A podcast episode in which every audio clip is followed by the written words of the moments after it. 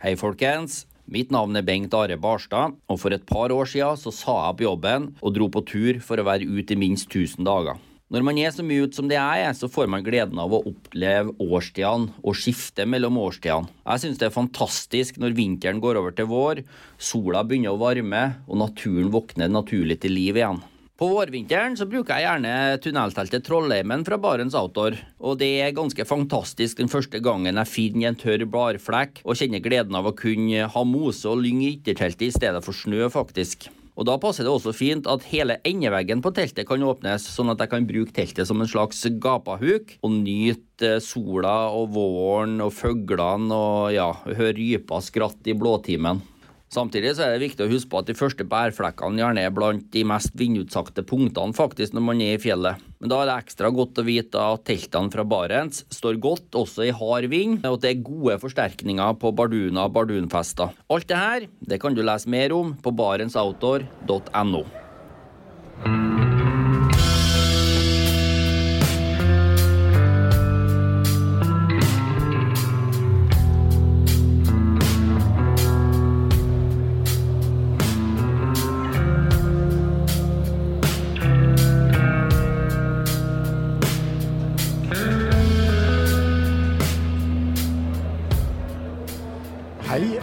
velkommen til podkasten Uteliv.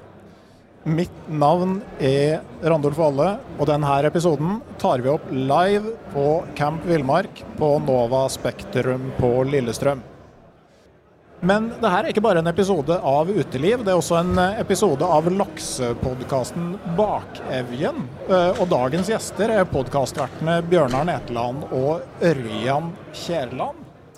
Jo. Kjærland. Kjærland, kanskje? Kjærland. Kjærland. Kjærland. Skal vi begynne å kalle det. Ja. Flott hardangernavn. Ja. Det var grunnkurs i hardangersk.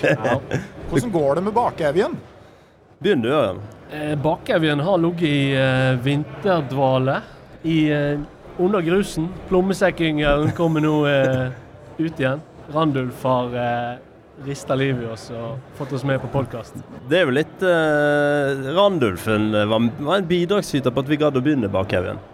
Vi spurte om tips og navneråd og litt forskjellig. Vet ikke om du husker om det? Jo, jeg husker det var eh, langs Raumas bredder, da, var ikke det? Jo. Og nå er Randulf med på spillivet spe i oss igjen, så det, det setter vi pris på, Randulf. Ja, men det er jo litt sånn bakhaugens natur, da. Å Ja. gå i sirkler og eh, på en måte komme tilbake til der man var. Det er lav vannføring på vinteren. Nå nærmer våren seg, og liksom, nå drar det seg til i Bakevjen igjen.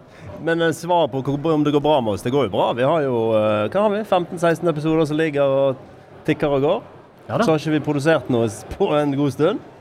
Men eh, vi får vel eh, Vi har en målsetning å komme opp igjen der vi var, ikke vi? Jo da. Vi skal opp igjen og nikke, og vi har eh, faktisk eh, episoder klare som ikke er gitt ut, til og med. Du verden. Det var mer enn jeg kunne si tidligere. Han, han sier det på, på episoder som er klare. Da. Det er bare jeg som må klippe litt og redigere litt. Da. Men for Ørjan så er de helt klare. Sånn er det. Ja, ja. Eh, dagens episode er jo for min del ganske sånn skamløs egenpromotering. Mm. Eh, for jeg kom til Camp Villmark her og fant noen kasser med ei helt fersk bok som heter Laks. Historien om en fantastisk fisk og tre litt under middels fiskesesonger. Som nå nettopp er klar. Eh, og vi skal ta litt utgangspunkt i den i dag. Eh, men jeg spør jo alltid på starten av en episode eh, om dere har hatt en fin tur eller naturopplevelse nå i det aller siste. Ja, nei, ja, som, sagt så har jeg ikke så mye uteliv utover fiske, laksefiske. Men jeg har jo en datter på to år som krever litt aktivitet. Så når du, det er spørsmål om jeg har hatt uh, en opp, naturopplevelse siste, så må det være Det nærmeste må være lapper på lekeplassen. Stekt på primus. Og Ok. den lekeplassen er 300 meter fra der jeg bor. Så det, det er kanskje det. Men for meg så er det en naturopplevelse. Ja, nei, men det er stas, det. Ja, det vil jeg si. Akkurat i forhold til det dagligdagse, så er vel kanskje Bjørnars rake motsetning. For jeg er såpass bortskjemt at jeg jobber jo ute som, eh, som skogsarbeider. Så om det er den røyskatten som kommer bort når du spiser lunsj i steinur, eller eh, turen ut på jobb. Men eh, når du stilte meg spørsmålet, så, så tenker jeg at Jeg har en sånn fast tur hjemme på Tysnes med minstemann, da, som snart er tre år. Og liksom ser at det begynner å gå ifra at det er gøyest å plaske i dammer, til at nå er det liksom Om det er rugda som letter, eller en hjort, eller uh, ei havørn. Altså, da så bare gå den nærturen hjemme, da. Den faste turen med junior. Mm. Det er en fin naturopplevelse. Romantikeren Ørjan som kommer seg i sofaen her i dag, hører jeg. det er fint. Men vi har, hatt, eh, vi har, jo hatt, poetiske skogsarbeidere før. Da. Bare tenk på Børli. Det er jo en nisje ledig der. Ja, ja. Er... Men jeg tenker vi skal begynne rett og slett med starten i, i boka, tenkte jeg. Eh, for den starter jo på eh, Starter jo i Finnmark. Mm. Den starter ved sjøen Votasjavri i Karasjokka og vi er på vei ned Karasjokka i kano. Og i går padlet vi inn i det langstrakte innsjøen Votasjavri. På sin vei gjennom dette vannet endrer Karasjokka karakter. Den renner grunn og ganske forsiktig inn. Ved utløpet har elva blitt større, tyngre og striere. For å markere sin nyvunne pondus går Karasjokka rett ut i et langt stryk som ender i en liten foss. Under fossen ligger en dyp og hemmelighetsfull kulp, vi har slått opp teltet på østsiden av kulpen. Denne kvelden ligger jeg i teltet og kjenner på tilfredsheten over endelig å være mett, samtidig som jeg er tørr og varm på føttene. Det er et godt eksempel på hva jeg liker ved å være lenge på tur. På en langtur legger jeg fra meg de store og diffuse vurderingene fra vanlig hverdag full, som en vanlig hverdag er full av. I villmarka erstattes de av enkle gleder og tydeligere spørsmål. Akkurat som dilemmaet jeg ligger i soveposen og kjenner på. Fisken vi spiste til middag, var den siste vi hadde til overs. Ble jeg liggende og nyte de tørre føttene i kveld, er sjansen stor for at jeg vil legge meg sulten i morgen. Det kan jeg unngå å stikke ut og fiske, men da må jeg ta på meg søkkvåte fjellsko og sokker. Valget må tas nå, men konsekvensen viser seg først i morgen. Brått bestemmer jeg meg, kryper ut av posen og tar på eh, det gjennomvåte fottøyet men skumringen siger innover landskapet, padler jeg forsiktig over den dype kulpen nederst i stryket og går i land på motsatt bredd. Det er ikke bare tanken på morgendagens middag som driver meg. Jeg har vært her før og husker at jeg fikk en fin ørret i en liten lone øverst i stryket. Dessuten mistet jeg det jeg anser som mitt livs ørret i den hemmelighetsfulle kulpen jeg nettopp har krysset. Fisken gikk på et vilt utras mot strømmen, hoppet opp til lille fossefallet før snøret røyk med et smell. Det er nesten ti år siden. Likevel kjenner jeg umiddelbart igjen stedet hvor jeg fikk ørreten. Spenningen sitrer i kroppen mens jeg trer to mark på en liten krok. Jeg bruker ikke søkke. Så vipper jeg agnet ut i strømmen med den lette haspelstanga. Nederst i den lille kulpen blir marken tatt med et rykk, og stanga bøyer seg kraftig. Etter noen nervepirrende minutter kan jeg lande en flott fisk på litt over en kilo. Et par kjappe rapp med en knyttnevestor stein ender dens dager. Min umiddelbare tanke er at morgendagens middag er sikret. På lange turer dreier mye seg om mat, og fisk med potetmos er og blir bedre enn potetmos uten fisk. Samtidig konstaterer jeg fornøyd at også denne gangen sto en fin ørret i akkurat denne lille lånen i strøyket. Men fisken var ingen ørret. Det var en laks. Det er drømmen, akkurat det, akkurat det der. Jeg kjente jeg satte meg til ro nå. Er, altså der I øyeblikket der så gjør jo du alt rett. Og så gratulerer med en veldig fin bok, forresten, før jeg fortsetter. Og, men jeg vet jo at eh, det, du skal jo reflektere veldig mye over denne fisken. Mm. Så jeg er litt spent på hva det gjør med deg eh, ja, det er jo kanskje det boka handler litt om. Da. For den, den, fisken her, det er en kilos hannlaks. Det gikk flere år før jeg fant ut at det var en laks. Jeg tok bilde av den, spiste den og skrev om den som ørret i flere år. Og så er det plutselig en kveld som jeg tar opp det bildet på skjermen, og så er det noe som rykker i meg. Og det her er ikke noe Det er ikke en ørret. Det, det, er kanskje haleformen, det er kanskje hodeformen, det er mangelen på prikker. Mm. Og så sender jeg bilde til Morten Falkegård på Nina i Tromsø, og han er jo helt sikker. Det her er en laks. Og den er tatt av 300 km fra sjøen og 330 meter over havet. Hvor langt forbi eh, altså det som er antatt ana- anadrom strekning, snakker vi da? Ca. fem mil. Eh, Den er fin. Cirka 50 Vestlandselver, det, egentlig. Det er fort, da. 50 Uskedalselva. 50 Huskedalselver. Ja, det er ganske heftig. Men det der er jo drømmen. Vi og Ørjan snakker mye om det. Vi kommer jo tilbake til det litt senere. Men vi jakter jo toppolen, altså finne ut hvor fisken stopper. Både for dette Ofte fra gammelt av når våre foreldre fisket, så var jo det den beste fiskeplassen. Ofte vandringshinder. Sant? Så det ligger jo sånn i, i ryggmagen på oss. Men det der å finne nye toppoler, og egentlig ikke vite hvor langt fisken går, det er jo helt, eh, helt ellevilt. da. Ja, da er jo Tanavassdraget altså I Anárjohka så stopper det jo i Ulvefossen. Ja. Men de fleste andre forgreningene til Tanavassdraget innover, der, der er det ingen des, definitiv stopp. Eh, Nei. altså Laksen i Karasjokka kan gå til finskegrensa. Ja. Det er utenkelig for en, eh, for en altså for, Som vestlendinger så er jo alltid anadrom strekning er Ja, veldig det er mye definert. enklere å fiske på Vestlandet, for du har alltid noe å forholde deg til. Sant? Der går Der stopp- fisken. Der Den røde streken der, der, der er det en foss, og der stopper laksen. Nei, også når du har anslag på anadrom strekning i Tana, så varierer jo den fra 1000 til 1400 km. Det når du har, har vassdrag, da. Det, vi kommer også inn på den Repparfjordet senere, men det er liksom det, Når du ser liksom ok, Hvis du går på lakseregister og ser hvor fisken stopper i ulike vassdrag, så ser det ut som bare en forsker som har gått opp og så bare gir han opp. Nei, nå, nå gidder jeg ikke mer. Vi sier at det, dette er anadrom strekning, og så tar, vi, tar vi resten en annen dag. Men det der er helt vanvittig. Vi skal jo komme inn på besettelser litt seinere. Det en, det er jo en liten besettelse for oss. Det er Det med toppool og få laks eh, lengst Men er det, er det tilfeldig at du nevner den uh, ørreten du mistet for ti år siden? Ti Nei, det, det er ikke tilfeldig. For dere var jo ikke en ørret, sikkert. Det, nei, når jeg padla Karasjokka i 2000, så hadde Tanavassdraget sine siste virkelig gode år. Ja. Og det var fremfor alt så var det mye sånn øh, eh, flergangsgytere. ja. Så at det da kunne stå en stor laks Ja, ja, ja. 300 km Og den trengte jo ikke, det trengte ikke være en gigantlaks, altså, for det var sånn her seksfots Abu lettspinnstang. Mm. Eh, slukvekt opp til 15 gram. Det er romantisk. Tenk hvis du hadde fått den på landet. Jeg hadde jo ikke skjønt at det eller var en laks. Du har ikke det, nei. Nei, jeg har jo ettertid sett flere sånn villmarkslivsaker med folk som har padla Karasjok og fått storørret. Mm. Og når jeg liksom spoler tilbake det bildet i, eh, i bakhodet, så det, det var ikke ørret de har fått. Det var ikke en ti kilos ørret. Nei, nei, nei. Det var en ti kilos det. Men har, men har eh, anadrom grense blitt forandra? Har du skrevet om historien?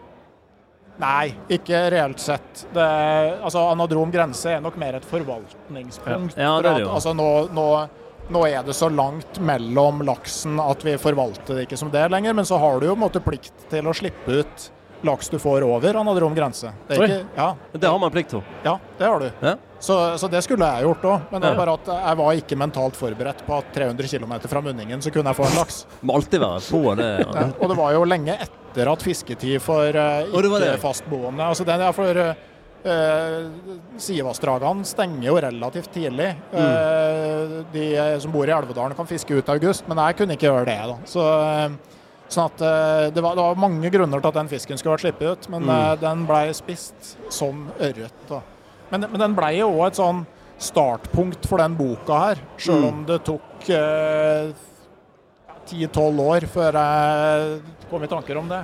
Ja, for det er et spørsmål jeg har. Er det, er det, det er tre parallelle historier i boka. Og er det tydelig, høres ut som det er denne, din historie. Den ene er jo du reiser fra Sør-Norge til Nord-Norge.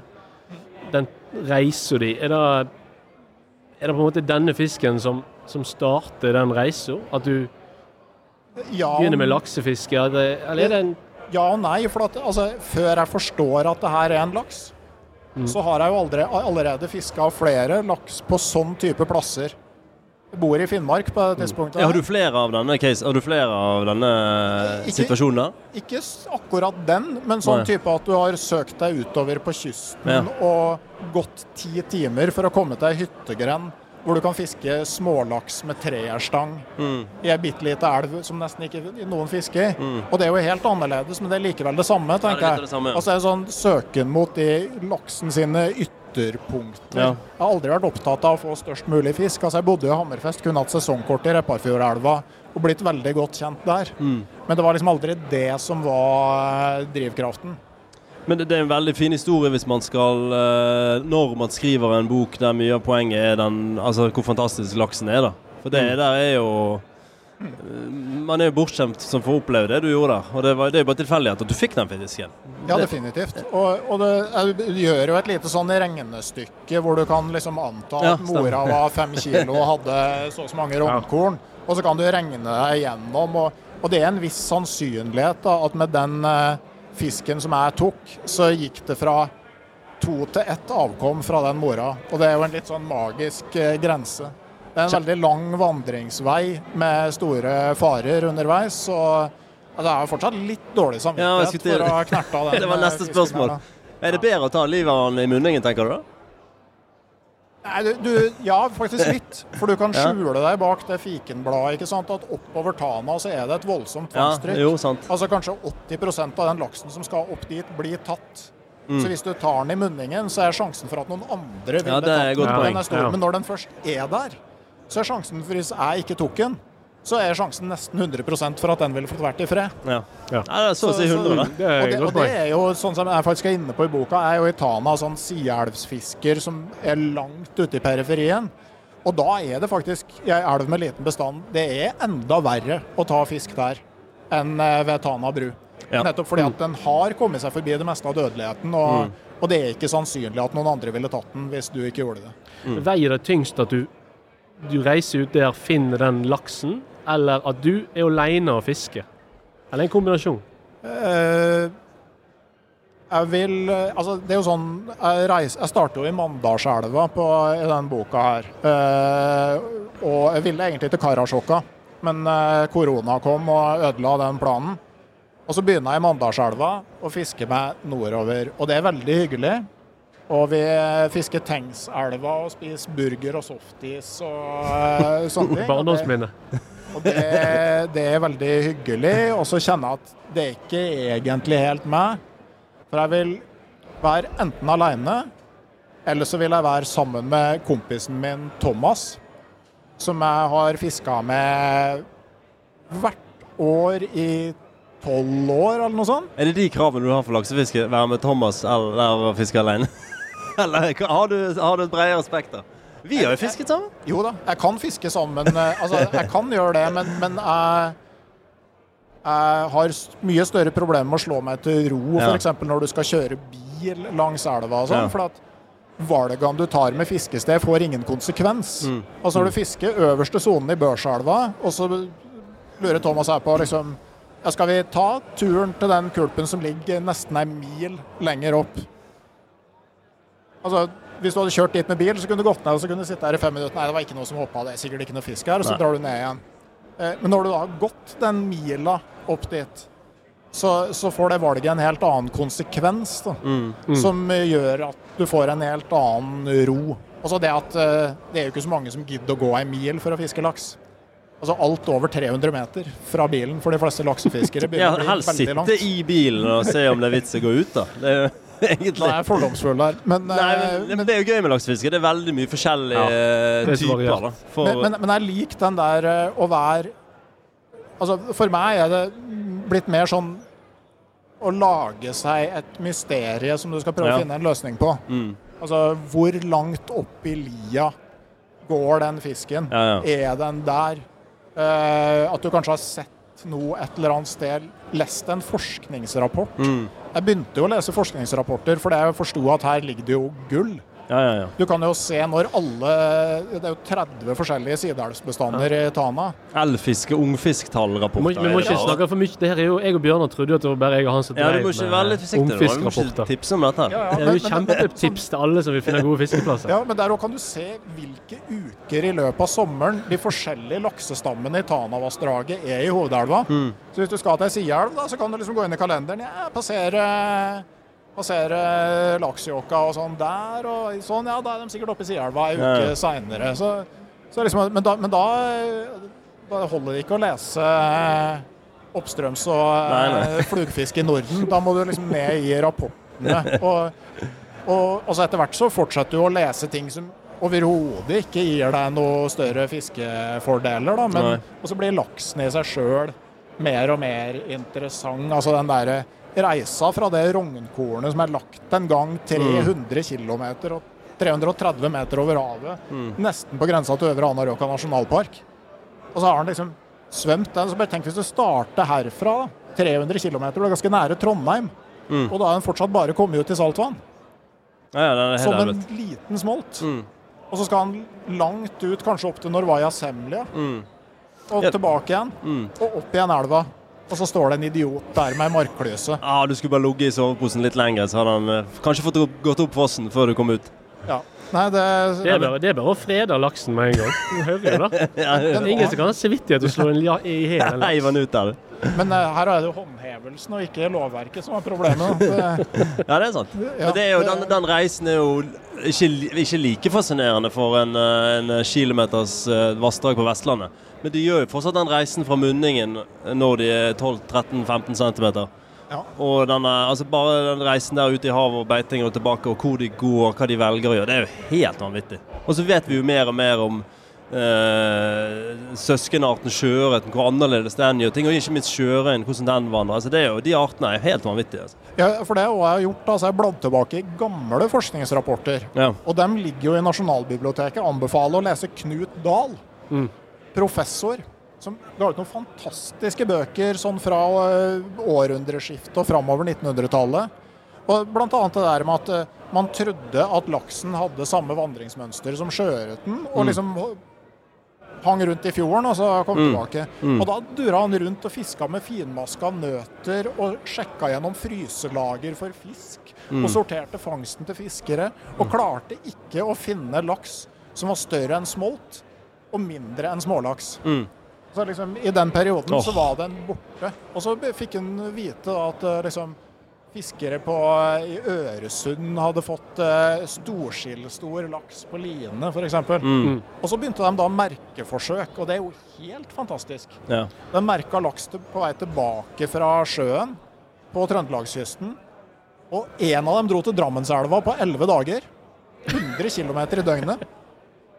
Og, den, og en, der fikk de et brev fra St. Petersburg, tror jeg var. Den hadde endt i ei elv på Kolahalvøya. Det var laks som var tatt på, som var tatt på vei inn til kysten, på Trøndelagskysten. Ja, for Den vanlige oppfatningen var at laks oppførte seg sånn som vi vet sjøer oppfører seg i dag. Ja. Altså de, de holder seg lokalt. Og det er jo det som er lik med naturvitenskapen. Da. At OK, ja, men da fant vi ut at vi har tatt feil. Mm. Og så OK, ja, vi sa det, men det, det er ikke sånn. Det er fett. Men tenk når han begynte å knekke den koden, når han begynte å skjønne det. Det må ha vært en ganske deilig følelse. Men så er det gøy at uh, forskjellige vassdrag og forskjellige uh, har ulike strategier. da. Det er jo Noen plasser det er lurt å gå ut på det tidspunktet, andre plasser er det lurt for laksen å gå ut seinere. Så det er, jo ikke, ikke, det er jo ikke en fasit på det heller, på en måte. Og ikke minst sjøørretbestandene har jo helt Det er jo helt uh, Texas når de går ut og når de kommer inn. Ja, nei, og, og du ser det jo bare i Karasjokka, ikke sant. Mm. Altså du har eh, Altså, Jeg bruker boka eksempel. Du har eh, Isjokka, som er elv som kommer fra isjavere. Masse vann. Store steiner. Alt av finmasse er skylt bort. Mm. Altså Hunnlaksen som skal grave gytegrop, må, må flytte på steiner som er så store som en håndball. oh, det er veig. Ja, jeg skulle til å si det. Ikke si veig nå, Ørjan. Nå er veig. Den sjøørretvassdraget Veig, Vestlandet- Veig er nevnt i boka. Veig er nevnt i boken. ja, ja. ja. ja. Der sier det sjøørret må være over 80 cm for å grave grop, ellers er det ikke vits. Nei, Nei og, det, og, det, og det er liksom ikke sant eh, Isjokka, så på fangststatistikken så er det mer fisk over 7 kilo enn under 3. Den er fin. Ja. Og så har du laksjokka, som er motsatsen, da, hvor du har en sånn hunnlaks på ca. 2 kilo. Mm. Med nesten ikke mage og veldig stor spor. For at Mm. den skal forbi noen fosser nederst, og så skal den langt inn på grunt vann på Laksefjordvidda. Mm. Og så skjønner du på en måte òg hvorfor det evolusjonært er lurt å komme tilbake til den elva som du var vokst opp i. da. Ja, du, og du har jo vært i Osenvassdraget i nærheten av Molde, ikke? Med vår gode Ja. venn Helge Dalen. Nei, jeg har ikke vært og besøkt Der er jo også en sånn unik bestand som han påstår det kommer ekstremt tidlig på elven. Men de er jo Altså, de er ikke høy, men de er rund. De ser ut som et rør. Ja. Og der, der er det heller ingen som vet hvor langt laksen går. Altså, han påstår at det, ja, det, Så der er jo også en helt unik eh, bestand på når de går ut og når de kommer inn. Så det er veldig fascinerende. Og, og igjen, ikke sant, eh, Tana er jo på en måte et eksempel på veldig mye, Mm. men der har du jo ikke sant, laksen i Isjokka og Karasjokka som kommer veldig veldig tidlig. Mm. Kanskje i mai. Og, altså I Finnmark så har du isgang rundt 17. mai. Ja.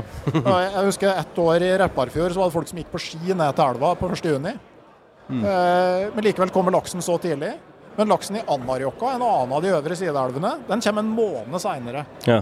Hvorfor det?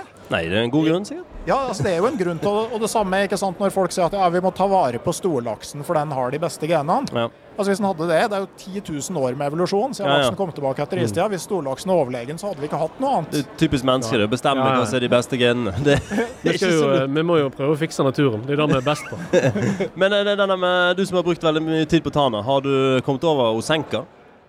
Nei, det er jo du som har fortalt meg om Osenka, men Ja. jeg vet at de har jo oppdaga etter at du snakka om det, at man, man prater om en sånn type laks i Marsjokka. Ja. Og der er det jo ganske store innsjøer og Ja, sånn, så det er antagelig Og det er den nederste sideelva. Osenka er da en fisk som kommer uh, på høsten, september-oktober, og blir stående uh, et helt kalenderår i elven før han gyter. da. Vanlig i uh, Russland, russiske vassdrag. Vanlig i Eller de har sett det i Lakselv, og de har sett det i Alta. Og så påstår jeg at jeg har sett det i Vosse. og så er jeg enig med deg, Randulf, at de har det i Tana òg. Bare sånn automatisk. Men jeg tror det er viktig å forstå at når vi snakker om Tana da, Boko eh, viser det veldig fint, og den episoden din, podkastepisoden din om Tana, at Tana er ikke ei elv. Tana er 30 elver. Ja. Den kompleksiteten er Jeg har sagt det før at for meg så er Tana veldig sånn uangripelig og Mm. skummel. Ja, ja. og jeg, Nesten så en, en frykter å starte med fiske i Tana, fordi en vet at det er, noe jeg, det er noe jeg aldri blir ferdig med. Ja, det er vanskelig for to er vestlendinger. Nå, nå er det jo stengt, eh, dessverre, men, men eh, ja. Det, det er sånn Eneste elva jeg er litt sånn Vosso og Tana er jeg veldig redd. Er du redd for Men jeg fisker i Vosso, da. Ja, ja. Kanskje du tar steget og fisker Tana en gang Nei, òg? det er skummelt. Ja, ja. Du bør ikke gjøre det nå. Nei. Jeg ikke det. Men, Men eh, Er det, er det aktivitet? Er det, det er et sjøørretfiske der? Er det ikke fiske ja, der? jo, det er sjøørretfiske. Det er sjøørretfiske. og eh, Så det er fiske der, ja. Ja, Komsa kalles sjøørreten, og det er mye av den i Ja. nedre deler. da. Mm. Eh, Men, eh, men eh, jeg var jo heldig nok til å bli kjent med folk som pensa meg inn på noen startpunkter i Tana. Mm. Eh, plasser jeg aldri kommer til å fortelle om. Eh, men eh, nei, men- det er litt viktig. altså Plasser du får av andre, kan du ikke røpe. Plasser du det- er oppdager sjøl, det, Ja, ja. det kan Mm, du mm. forvalte sjøl. Ja. De du får av andre, dem må du holde kjeft om. Det har du ikke noe valg på. Men det er jo noen andre som har fått en laks oppi den fossen som du fikk din, tror ikke du? det tror jeg nok. Ja, du tror det? Ja. Ja, der oppe, altså I Karasjokka så er det, det er jo padlere som får laks der Ja, ja, ja. sikkert hvert år uten å vite. Og det, jeg vet om folk som har fått enda lenger opp. Kanskje to-tre mil lenger opp enn meg. Eh, Har du reist tilbake der og prøver for laks? Nei, Nei. jeg har ikke vært tilbake. Men, men eh, det jeg skulle fram til, at jeg fikk liksom et startpunkt. Og da begynner du å forstå greia. Mm. Og så blir det bare forferdelig spennende å lete blant de her eh, kanskje 1400 lakseførende Mm. kilometerne for, for å se etter om du kan finne liksom ditt sted. Og, og det er jo det egentlig boka litt dreier seg om. Mm. For, for det er jo som som Ørjan sier, at det, er egentlig tre parallelle historier. Det handler om laksen og hva vi vet om den. Det handler om min fiskesommer i 2020, som plutselig blir tre somre. fordi at jeg tenkte jo at ikke sant, Ett år er jo fint med laksen, for at i natu naturen så går alltid sykluser på et år. Sånn at ett år er helt likt det andre. Men så begynte jo liksom pukkellaksen og villaksen rødlista og Tana stengt. Og så tenkte jeg at det, det her er jo ikke et år som alle andre, og så ble det tre år i stedet. Ja, ja. Men, men i tillegg da, så har jeg veldig sånn eh, oppheng en eh, svensk eh, forfatter, Hans Lidman. Den litt eldre garde blant publikum nikker, den litt yngre nikker ikke, ser jeg. Ørjan nikket, da. Så Jeg, jeg nikker nå etter jeg har lest boka. Oh, ja. Hans Lidman han ga ut nesten i hvert fall en bok i året fra 40-tallet til rundt 1975. Ja, det her er, det her er den, den boka her er gitt ut etter hans tragiske død. Og den aller siste historien i den boka her, den handler om en stor hannlaks som står i en helt spesiell kulp et eller annet sted i Tanavassdraget. Og så er det gjennom 37 nummererte små kapitler. Altså Du får sånn bibelfølelse, ikke sant? Det står skrevet i laksen i Erkekulpen, kapittel 32. Det, og eh, så, så for, forteller han liksom om den fisken her og sin helt desperate og fullstendig ko-ko jakt på den fisken her. Og første setninga er som så. Han står på samme sted år etter år. Han går opp og velter seg i vassgyta år etter år. Han lokker og egger. Han får blodet til å bruse. Han er en glede som ikke er til å beskrive. Han plager meg så det gjør vondt. Han stimulerer, han får meg til å føle avmakt. Gode Gud, få ham bort. Spreng kulpen der han står, før jeg selv sprenges i stumper og stykker. Det er fantastisk. Det er den, den besettelsen som blir tydeligere og tydeligere gjennom boka. Altså Liedman kommer som en sånn Han òg har jo drømmer om, eller mareritt, som du forteller om gjennom boka. Men òg når, når, du kommer tilbake til han, du nærmer deg slutten av boka, så blir det tydeligere og tydeligere hva, hva vei dette går. Men òg det jaget han har. Det blir kraftigere og kraftigere mot slutten av boka. Når det kommer et stykke om Liedmann, så er det litt sånn OK, da er pausen med Randulf og Thomas på vidda, den er ferdig. Nå er vi tilbake til Liedmann. Nå er det der kjøret igjen, med laksen. Og det beskriver du fantastisk bra i boka, det må jeg si. altså. Det er veldig gøy. Og det, det, En av grunnene til at det tok litt tid med den boka, her, da, at underveis så fant jeg ut at uh, altså, verdenslitteraturens to store fiskehistorier hørte veldig sånn uh, veldig naturlig med. Altså, og det er jo 'Den gamle mannen og havet' av Hemingway. Og så er det 'Moby Dick' av Herman eh, Melville. Som egentlig er litt det samme. den der ekstremt desperate jakten på én en enkelt fisk, da, i hermetegn. Mm. Mm. Eh, som får helt sånn religiøse overtoner. Jeg, jeg, trodde ikke jeg skulle lese om Moby Dick når jeg åpna den boka her. Men eh, jeg skjønte jo da at eh... Jeg trodde ikke jeg skulle skrive om det heller da jeg begynte. Det, det kom som en overraskelse. Når fant du ut at det var lurt? Bare Nei, altså, det, det, var vel at jeg tilfeldigvis begynte å lese Moby Dick, og jeg trodde at det var en sånn der, eh, type Hardy-guttene-bok for, eh, for, for, unge gutter. Og det, du kan jo ikke ta mer feil. Det er jo en helt fantastisk bok. og den og Den gamle mannen og havet de handler om det samme, men de er i form helt forskjellig. Mm. Gamle mannen og havet, det er alt spikka bort som ikke er direkte på historien. Ferdig på 100 sider. Moby Dick, du har knapt kommet til kveldsmat første kveld etter 100 sider. Så alle digresjoner blir fulgt helt til enden. Du får et helt kapittel om lina som er festa til harpunen, f.eks. Og et helt kapittel som handler om hvalens hvithet, ja. som blir drøfta. Det, det, det, er en helt drøy bok. Jeg har ikke lest Moby Dick. Det høres jeg blir ikke skremt, men uh... Det høres ut som det er for noe for deg? Ja. Det må jeg si. Ja, jeg tror det. Men jeg har jo ikke, har jo ikke lest uh, boken din, Adolf. Det har jo, det har jo Men den, den jakten, er det uh, Som Hans Lidman, er det, er det en laks som i Erikekulpen, eller jakter han på en måte opplevelsen? Eller hva er det han jakter? For jeg kjenner meg igjen i besettelsen. Jeg, jeg tror det men, utvikler seg etter hvert. Men jeg, altså, det, det jeg, jeg, var veldig fornøyd altså, som eh, at jeg fikk bruk for 90-talls eh, black metal, ja. Eh, grunnkurs to andre del i demonologi. Eh, fordi at eh, Melville i Moby Dick han kaller jo konsekvent eh, spermhvalen for Leviathan. Og det er jo et sånn bibelsk sjøuhyre som da har sin parallell i norrøn mytologi med Midgardsormen. Mm. Og, altså, og, det er et teologisk fenomen som kalles en kaoskamp. Når Gud beseirer det derre sjømonsteret som representerer kaos. Mm. Og når du da liksom kan gjenopprette orden gjennom mm. å beseire det her kaosvesenet og jeg tror kanskje det er det Lidman driver med. Ja. At han har en sånn forskrudd idé om at hans skakkjørte liv skal bli bra hvis han klarer å fange den, der, ja. den, laksen der. Ja. Og han går, jo, han går, jo, tom for mat. Han går til og med tom for kaffe. Tenk det. Og han, han, er usikker på om han kommer til å overleve gåturen ut igjen, men han vil ikke gi seg før han får den fisken der til å ta. Og så blir han jo enig med seg sjøl om at han skal sette den ut igjen. Det her er i 1975. Da. Mm. Så jeg vil ikke se hans blod. Mm. Nei. Og det er jo uh, utenkelig i 1975. Ja, det var det jo. Men uh, jeg, tenker, vi uh, Men det er jo på en måte jakten etter en opplevelse som man ser for seg er sånn og sånn, da. Vi, meg og Ørjan, har jo litt det samme. Vi har jo fordi vi vokste opp med to fedre som har gått på klogger langs sånne urete vestlandselver, så har jo de lært seg et begrep som heter å kappe og skøyte. Og Det betyr at man får på en laks man ikke klarer å få på land der man står, for det er enten et fossefall eller en ur eller et eller annet. Og da må man eh, løpe rundt, og så kaste over linen, og så sveive inn, og så kappe linen inn igjen på den nye stangen. Oi. Og det har jo meg og Ørjan blitt uh, vokst opp med at det, Kapping og skøyting. det, er det, det, det, er det kuleste som fins. Altså, ja. For å gjøre en lang historie kort, så er jo en av rekordlaksene til pappa jeg har gjort på den måten der.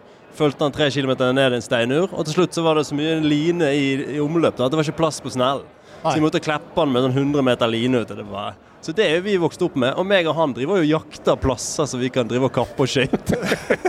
så det er jo akkurat det samme. Og vi fikk jo muligheten i Suldal Suldal. i Når var det? I, Tre år siden. ja, 21, 21 kanskje. Det, altså, vi tok ikke vare på muligheten. Nei, vi, Vi kan, vi kan det ikke, vi har ikke lært det ennå. Men, men var det sånn da at noen sto og kasta litt stein, så den laksen skulle gå ned, så dere fikk kappe og skøyte? Nei, det var Jeg hadde veldig stor Jeg var alene, da. Ørjan var lenger nede i elven. Så jeg ringte han og sa at nå Det var to stykker som kjørte fisk samtidig. Ja. Én kjørte en 10 kilos ned forbi meg, og én kjørte en 10 kilos opp forbi meg. Det var mye større enn ti. Så eh, Er ikke en klekkerifisken i Suldal, er Nei. Nei, det er riktig. Han var ti blank. Men uh, den gikk i hvert fall utfor. da Jeg klarte ikke å følge, og det var, det var stopp. Så jeg sto og kjeftet på Ørjan at han skulle kaste, kappe og skøyte og kaste over. Og vi gjorde det vel òg. Jeg fikk overraskende mye kjeft. Han beinhard. Men det er jo en sånn greie som vi Jeg har jo jaktet det med min bror òg, muligheten til å kunne gjøre det der. For det er bare et, et, sånt scenario som vi, vi har lyst til å oppleve. Men en har en tanke om hvordan det så ut når dine foreldre gjorde det. Ja. Du har liksom lyst til å oppleve det, Jeg har lyst til å fortelle den til, min, til mine barn at vi har gjort det òg. det, det som er litt sånn ekvivalent som Lidman stadig vender tilbake til, altså grunnen til at den kulpen heter Erki-kulpen, det er at for at den ligger ved bunnen av et stryk.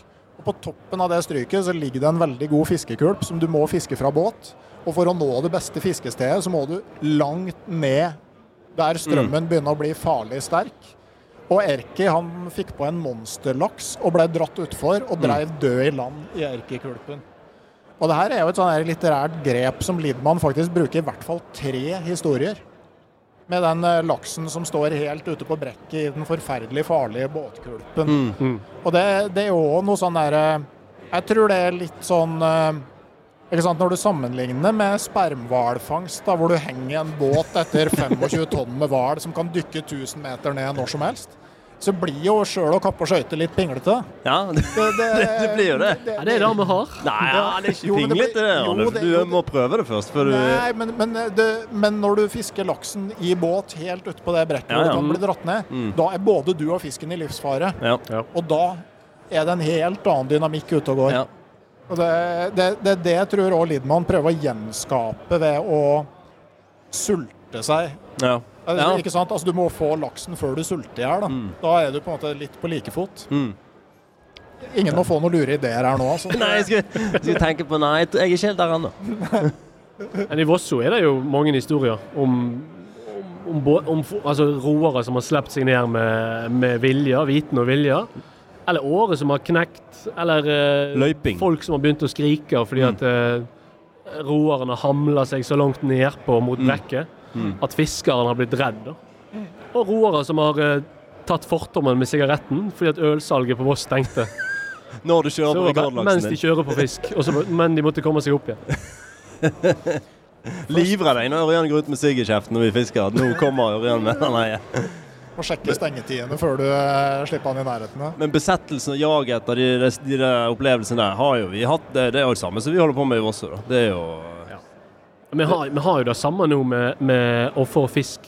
Ikke den direkte lengst mulig fra eh, sjøen, men å finne toppolen. Finne, altså, Jeg har ei greie nå med ei elv i eh, Litauen som heter Nemunas. Jeg tror vi skal forbi Minsk før vi finner eh, toppolen. I hvert fall sånn som jeg kan tolke det for Google Maps. Okay, det, det er jo sånn politisk sett litt sånn ullent, og eh, Ja. du skal være veldig dedikert før du setter kursen mot Minsk med tohånds fluestang og lappa vadere. Men det sier litt om det, liksom den But I was only looking for the top pool. Say that to the KGB. Men eh, nei, så det Altså, laksefiske er Det er jo det du gjør det til. Ja. Det er akkurat det du gjør det til. Det er det det fascinerende. Vi var jo på en sånn rundtur i fjor eh, med bobil fra egentlig fra Trøndelag og helt opp til uh, Repparfjord. Ja. Og da var vi innom åtte til ti vassdrag. Og da var det vi, det, vi hadde ikke avtalt det på forhånd, men bare, det, bare begge var enige om at vi skulle finne topphull i alle de vassdragene. Og sykt motivert og positiv på vei opp. Og nei, nei, nei, han kommer forbi. Han kommer forbi. Ja, nei, vi går videre, vi går videre. Og så fant vi aldri ut altså Når vi gikk ned igjen, var vi litt mer negativ. Nei, han kommer ikke opp her. Han kan bare glemme det. Så så det du mister hodet. Jo, men så er det så sykt moro da, når du plutselig finner ut at laksen går faktisk Ja, er lenger enn det folk trodde. Ja, ja. Så, eh, kanskje bare én hvert år, men, men likevel. Det er du som har lært meg eh, å bli veldig fascinert over det. For du, du har jo den rekorden du snakker om i forhold til meter over havet. Akkurat nå så, så har jo Ja, for jeg mener jo altså folk liksom rekordlaksen din, så driver folk og snakker om sånn 17-18 og Ja, ja. Jeg sier altså det er da 300 og 525. ja, for du har 525 meter over havet du nå? Ja. Bua. Det er jo bare det som teller. Ja. Sammenlagt av kilometer fra sjøen og meter over havet. Ja, men jeg er nesten Jeg er litt enig. Jeg, jeg, den fascinasjonen har jeg fått av deg. Ok, Så jeg trenger ikke å ha samme vassdrag. Nei. Men Sammenlagt så må det være meter over havet og lengst ifra sjøen. Ja. Ok, Så er 825. Oi, den er fin. Den er fin. Men eh, er det hemmelig hvor du har fått den eh, Nei, altså det er jo i, i bua. Og Ja. det, igjen, altså du skal være temmelig sånn spesielt interessert. eh, Og jeg var jo kjempefornøyd i sommer da jeg flytta fra 520 til 525. Det er fett! Ja, det er fett. Men, men står du og måler opp? Eller Nei, bare bruke norgeskart. Ja, du bruker norgeskart, ja. i kartet, Kan du Bjørn. liksom, Ja, kan du bruke kart, ka- norgeskart på nett og så bare «Hæ, Faen, dette til! Dritkult! Det er fett. Men det, 1,2 men det at, eh, at det, når du hadde sagt 525, så hadde ikke jeg automatisk tenkt Gaulavassdraget. Men det er jo det. nei, altså det er jo det er egentlig, tøft. dri, det er jo egentlig driva som uh, går høyest. Altså Så fort sperra er borte, så Mm. kan jeg jo fiske i magalaup. og 560 Nei. Ja, jeg tror det kan få en 30 meter til omtrent. Ja. Så det er jo helt fantastisk. Den, den fascinasjonen og driven der, den har jeg fått av deg. Og den, den, eh, jeg har jo begynt å Jeg sendte jo deg noen rapporter fra Skottland. Den, eh, Ja, den, Og det, det vassdraget med ungfisk på over 700 meter over havet. Og, ja. og, og den fisken som går lengst fra sjøen og høyest over havet, det er jo i Frankrike. ja. Så den går jo 1000 meter fra sjøen og 1000 meter over havet. Og den bruker hva, to år i ferskvann på å komme til gyteplassen. Jeg tror Ørjan har lyst til å arrestere deg i den Eh, elven i Litauen nå. Men, åremål. Åremål, ja. Åremål på toppen. Hva heter den elven? Loi... Nei. Loire. Ja, Loire. Det står i den eh, boka 'Laks en biografi'. Mm. Jeg tror Bjørnar sa han heter Loire. Loire, Ja, tror jeg sa. Men eh, for meg så heter han fortsatt Loire. Ja. Vi tar den. Ja, du får dra dit og ta en eh, Pinot Noir. Ja, ikke minst. Men den fascinasjonen, den, den tar jeg med meg videre, Randolf. Den har jeg fått av deg. Ja, nei, men det, det er jo bra. Du er blitt Du vil høyere opp, og Ørjan vil, begynne å lese bø mer bøker. Jeg Altså, boka di er jo en innføring i uh, lakselitteratur. I hvert fall for min del. Det var mange nye navn. Det som jeg har, uh, jeg har Jeg har lest for lite bøker, det kan uh, jeg si.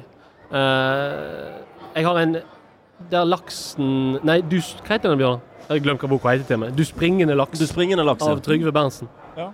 Det er en sånn liten bibel for meg. Veldig enkel bok, og, men der står det om gammel øvetru og hva du skal gjøre. Hva er, Ja, den er fin. hva er bra når du møter eh, en mann med hatt Ja. eh, og så ser ei tjor langs elva. Ja, det er riktig. Ja, det er veldig gøy. Men han fisker jo helst på Vestlandet. Nei, men jeg tenkte, jeg så i bokhylla før jeg dro at jeg har eh, dublé av Lidmann sin 'Fiskelykke'. Så Den kan du ta med deg. Oi! Tusen takk. Jeg, er- jeg, er- Fiskelykke, da trenger vi. har hatt med seg den. Du springer laks. Jeg har jo veldig lite forhold til å lese om laksefiske. Men uh, i de siste eh, par årene så har Ørjan hatt med seg den boken. Plutselig bare slår han den opp og begynner med noe sånn høytlesning om hva som er lurt hvis man treffer på folk med hatt eller hva det måtte være. Så, det, det er veldig viktig kunnskap. for Ja, det, Ja, ja, veldig. Det verste var at mye av de teoriene Jeg har liksom tenkt sånn, ja. Jeg kan være altså, enig i jeg har jo det, altså, Thomas som jeg fisker sammen med, han er jo psykolog. Så det, det, det er jo eh, Mange burde vurdert å bare fiske laks med psykologer. Ja, tenker Er det en fordel? Ja, definitivt. Du tenker det er bra? Ja, helt klart.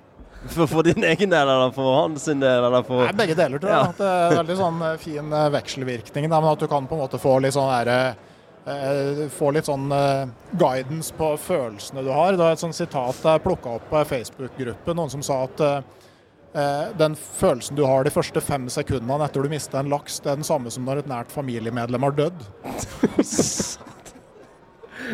Uff. Uff a meg. Lansert, sa du det til han uh, psykologen din? Ja, vi har snakka på det, men, men, men, jeg har liksom kjent på Jeg, jeg føler kanskje at det, er- det er ikke den følelsen jeg, For min del så jeg, jeg skrev litt om at det, det er mer kjærlighetssorg. Da. Ja. Ja. Eh, og at eh, når du mister laksen veldig tidlig, så blir det litt sånn som hun dama som dumpa det. Enten ikke ville ha det, eller dumpa det før dere ble kjent. Så du kan tillegge henne alle verdens positive egenskaper, da, og det blir jo helt krise. ikke sant? Og hvis du mister en laks som bare så vidt var bortpå, altså det er jo klart at den var stor. Ja, ja, du Tanken har streifa meg når jeg har lest boka, at du òg, som alle andre, mister jo større fisk enn du får. Du mister mange storlakser, så får du en mellomlaks og en Ja, ja, ja. eh, smålaks etterpå. Ja, ja. Ja, og og så eh, og så får jeg jo ikke så veldig mye fisk. Men da er jo den eh, Det er jo normalen. Ja, jeg fant, Det er veldig fin den betraktningen din med Hvis vi har 1000 eh, fiskere som får 32 laks, tror jeg du skriver, så må det være 20 000 fiskere som får null fisk i løpet av en sesong. Bare for å kompensere for dem, ja. Hvis du har liksom sånn 20 120 000 fisk å fordele på 80 000 fiskere. Altså, det, det er veldig mange. Altså, når du har, eh, når du har Helge Dalen, da, hvor mye lidelse er det ikke han sprer? Ja, det, gjør ja, det er det faktisk. Nei, og jeg- jeg tenkte, ikke sant, når, når, og antagelig 0 og 1 er jo de vanskeligste, eller vanligste resultatene. Enten Mm. Ja. at du fisker og fisker og du får ingenting, eller så fisker du og fisker og så får du endelig en, og da kan du gi deg. Mm. Ja. Eh, og jeg telte meg opp til sju da, den første sesongen her. og var jo... eh, men jeg, jeg skriver jo i forfatterbiografien i, i boka at eh, forfatteren anser seg på sine beste dager for å være en middelmådig laksefisker. Ja.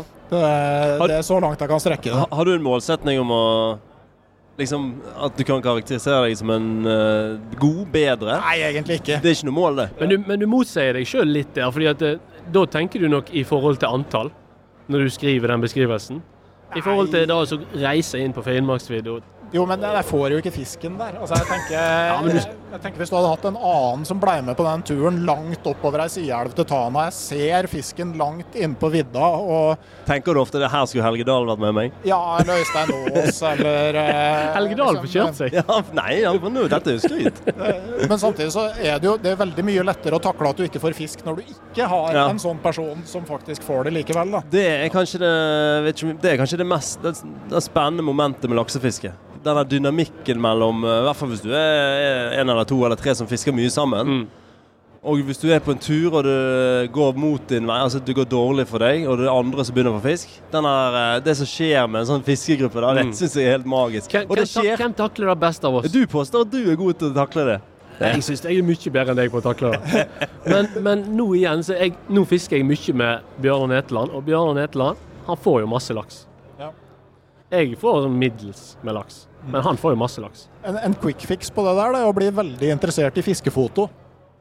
I fiskefoto Ja, for at hvis du syns det er fryktelig artig å ta bilde av folk som har fisk på kroken, så er det plutselig like artig når andre får fisk som når du får det sjøl. Ja. Og så kjøper jeg undervannshus og tar splittbilder. Og jeg bar jo med meg et ekstra kamera med undervannshus inn på sone tre i Børselv. Det var åtte kilo ekstra i eh, fem timer innover. Er det, en, er det fordi du syns det er gøy, eller fordi han har en unnskyldning for at du ikke får så mye fisk? Jeg, jeg har brukt den samme unnskyldningen med min bror. Nei, jeg filmer, jeg skal bare fiske. Nei, det det, det syns jeg faktisk er artig. da. ja, Og så- Thomas og jeg sånn Vi har starta på, på et ekstremt dårlig nivå og fikk til vårt første speikast eh, på sone tre i Børselva. Jeg sto der liksom bare Plutselig så føyk det snøret på en absurd måte over mot andre sida av elva. Det kunne man ha trent på et annet sted, så klart. Forbereder du deg litt? Jeg har lyst til å gjøre så veldig mange forskjellige ting. Ja. At, altså, jeg kan jo ikke, altså, I Finnmark du kan ikke stå i mai og trene fluekasting. Nei. Da skal du være på ski innover fjellet og fiske røye og Ja. Ja, Eller lese forskningsrapporter. Ja, ikke minst. Ja. Det tenker jeg er Eh, viktig. For å finne fisk som du ikke når fram til fordi du ikke klarer å kaste fordi du ikke klarer å kaste til det. Ja. Så, men så har vi liksom sånn utvikla oss parallelt, og så ser du ikke sant, at det er jo aldri at du får annenhver fisk. Det er en som får fire på rad, og så Ja. får den andre fire på rad. Eh, men, Jeg syns det er det som er fascinerende, for det, Men- det skjer med alle fiskegrupper. Det, det er jævla gøy å observere. jo, men jeg tror kanskje at det er derfor at jeg syns det er så stas å fiske med Thomas, for at vi i veldig liten grad har den eh, surmulinga Ja. på, på grunn av det, og det blir veldig veldig avslappende. Og så er vi li, omtrent like glad i kaffe. Ja. Du, du refererer til den Suldalsturen når du sier at jeg Ja, jeg, jeg satt og tenkte på den nå. Men, men samtidig så kjenner jeg veldig igjen når vi fisker i lag, så det, det er jo uforskammelig lite surmuling uansett hvem som får mest fisk. Men jeg har vært med på tur der alle har fått laks utenom bjørner. Ja, det har du. Og det var, Det var den det var en eh, eh, kapp- leksjon i eh, I Suldal, ja. I gloser og Ja, da var jeg, teorier. da var jeg tung. og, ja, det da var jeg tungt. tung. Men det var ikke, det var ikke, jeg var ikke Var tung. tung til sinns? Ja, da var jeg tung til sinns. Det var tre dager der med fem-seks lakser mistet. Og den ene var den som vi mistet når han skulle kappe og skøyte. Jo, ja, men du fikk prøvd det, da, i hvert fall. Nei, nesten. Nesten. Ja. Ja, og det gikk også dårligere enn planlagt, så det var sikkert derfor jeg var tung til sinns. Ja, var det bare det at du kunne kappe, men ikke å skøyte? Uh, jeg tror jeg alltid Jeg gikk kapper meg, men Vi fant har ikke jo lino hele- er Alt det der er på film. Jeg har ikke, jeg har ikke, tør, jeg har ikke, hatt, jeg har ikke, jeg har ikke sterk nok syke til å se på den. den må jeg faktisk finne fram. Men, eh, men så er det jo, ikke sant eh, Noe som er innom i boka, er jo det der laksefiskernes hang til å lage teorier. Mm. Altså Vi har jo en sånn veldig iboende trang til å lage sammenhenger mellom det vi observerer og det som vi ønsker at skal skje. Da. Det, Mm. det syns jeg Når du begynner liksom med et grunnkurs i logikk og ser på en del sånne påstander det er fryktelig artig når du liksom innser at altså Du må ikke bare vite hva laksen gjør på bunnen av ei Gromstad-elv. Altså, du er faktisk nødt til å vite hva han tenker i gjerningsøyeblikket for å kunne avgjøre om en sånn påstand er riktig. Det der er også veldig gøy. Der er det så mye å ta av. og Det er litt kjedelig. Jeg tror vi er ganske like, egentlig. Jeg er, veldig, jeg, jeg er veldig på den der at det er så mye tilfeldigheter.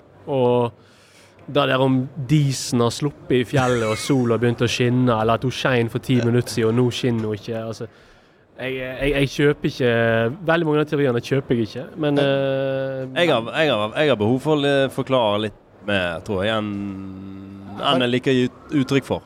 Jeg har en veldig tro på alle endringer, merker jeg. Ja, endring. Endring jeg tror på. Sola kommer ned på elva, kjempebra.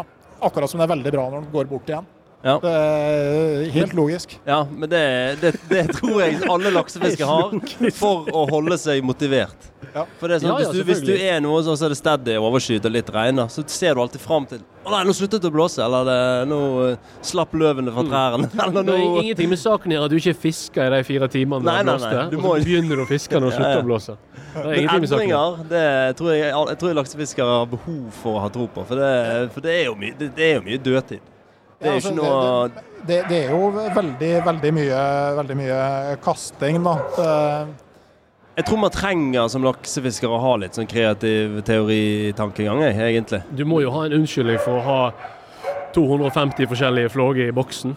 Altså du skal bruke de til forskjellige liner. ja, det, værforhold. To- To- Thomas og jeg har hver vår flueboks som heter Norsk Bombermuseum.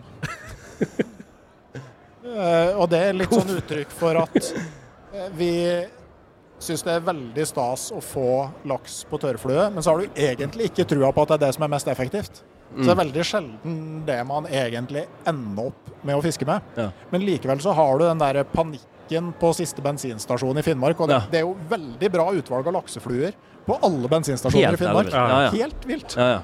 Og da kan det jo være at akkurat den gangen her at laksen vil ha akkurat Ja, ja. en hjorteårfarga bomber i Jeg er størrelse. Jeg, er akkurat det der, jeg gjør akkurat det samme. Og du kan ikke ha mindre enn fire av dem da. Nei, nei. Og du tar du med deg en ny en for meg. For Ja, du kjøper, kjø- litt du kjøper en ny en har for aldri Ja, ja. brukt dem. Å, den kan jo være den er bra. Nei, der er jeg helt lik. Eh, Men, eh, men igjen, altså, Thomas eh, som psykolog vet at for mange valg gjør oss bare ulykkelige. Ja.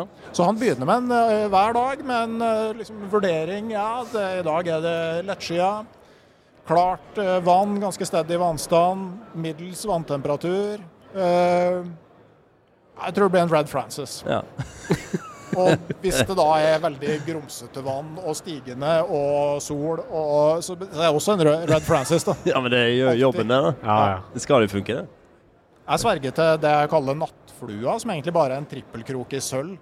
Eh, rød bindetråd og så lite et eller annet svarte hår som er tørr å binde på. Ja, for den nattflua, den du, du sliter en stor laks i vefsna. Vefsen er på, ja. Jeg Du tror jeg får eh, 70% av fisken jeg får på den nattflua. Som egentlig Du fisker jo mest sannsynlig 90% 90 av tiden. med- av tiden med den nå, da.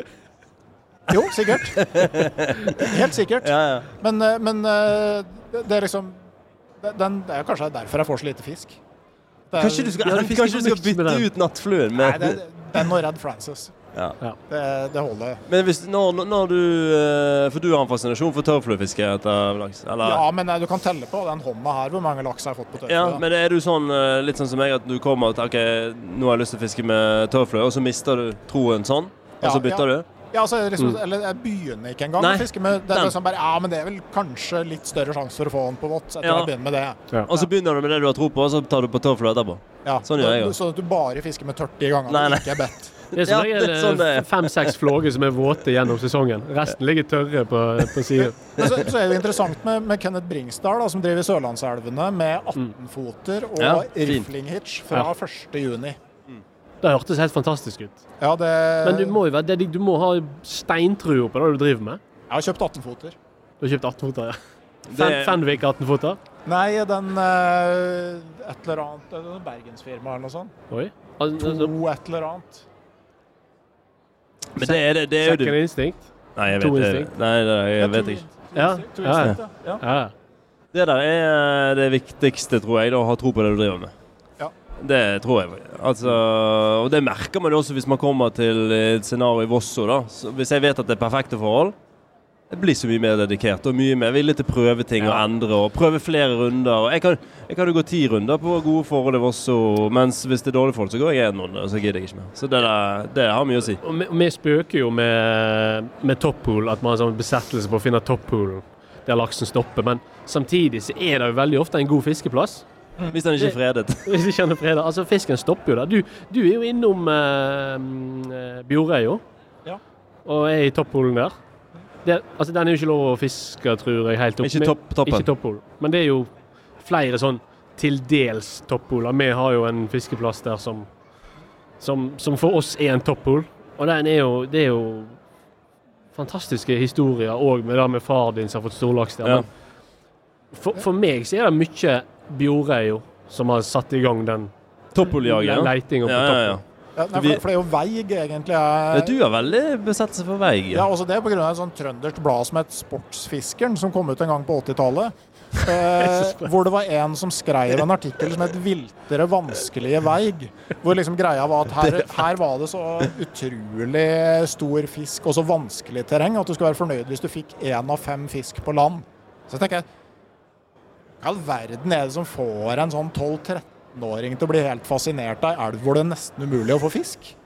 Det, det kan jo ikke være helt normalt. Jeg har jo vært og fisket i vei eh, ja, ganske mange ganger. Eller altfor få ganger. Jeg har fisket i vei én gang. Men når du fortalte det nå, så fikk jeg sykt lyst til å fiske. Ja. fiske. Men, men det, det er jo litt sånn litt, Den hadde litt samme rollen som elvene til Lidman. For at der har jeg på en måte gått gjennom tre sånne stadier. Da jeg var sneip i sånn 12-13-årsalderen og leste bøkene her. Altså, Det kunne jo vært 'Ringenes herre', for alt det jeg visste. Altså, Det foregikk bare en sånn fantasiverden.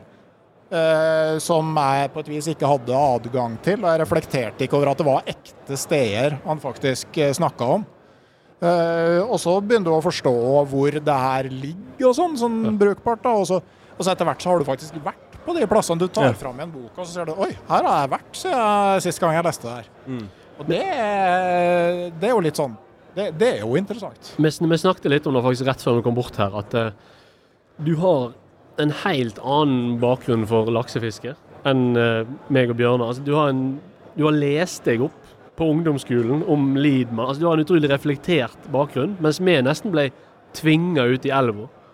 Ja, Så jeg Ja, lest, jeg har, dere kan fiske, men har ikke lest. Og jeg har lest, men kan ikke fiske. Så vi burde kanskje dra på tur sammen. dine Ja, men det, jeg er helt ærlig på det. Jeg har ikke, jeg har nesten, jeg har ikke lest det. Eh, Det du, det du høytleser for meg, Jørgen, det er det jeg har av sånn Ja, litteratur fra eh, når vi er alene i bobilen, Ja. jeg høytleser for meg. ja, det, det blir fast, fast kveldslesing. Ja, det det, det, er sånn. veldig fint for å få folk til å begynne å lese. Og lese for dem Men vi ble jo tunge tvunget med på det i Bæremeist fra vi var liten.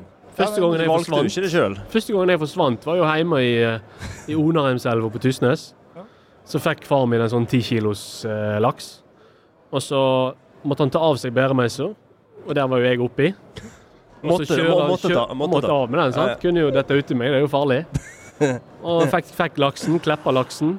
Og så er det en sånn gravhauger ved sida av elva. Fred, hellig jord og alt det der. Eh, og så ser han at bæremeisa er tom, og ungen er vekke. Og han har fått laksen.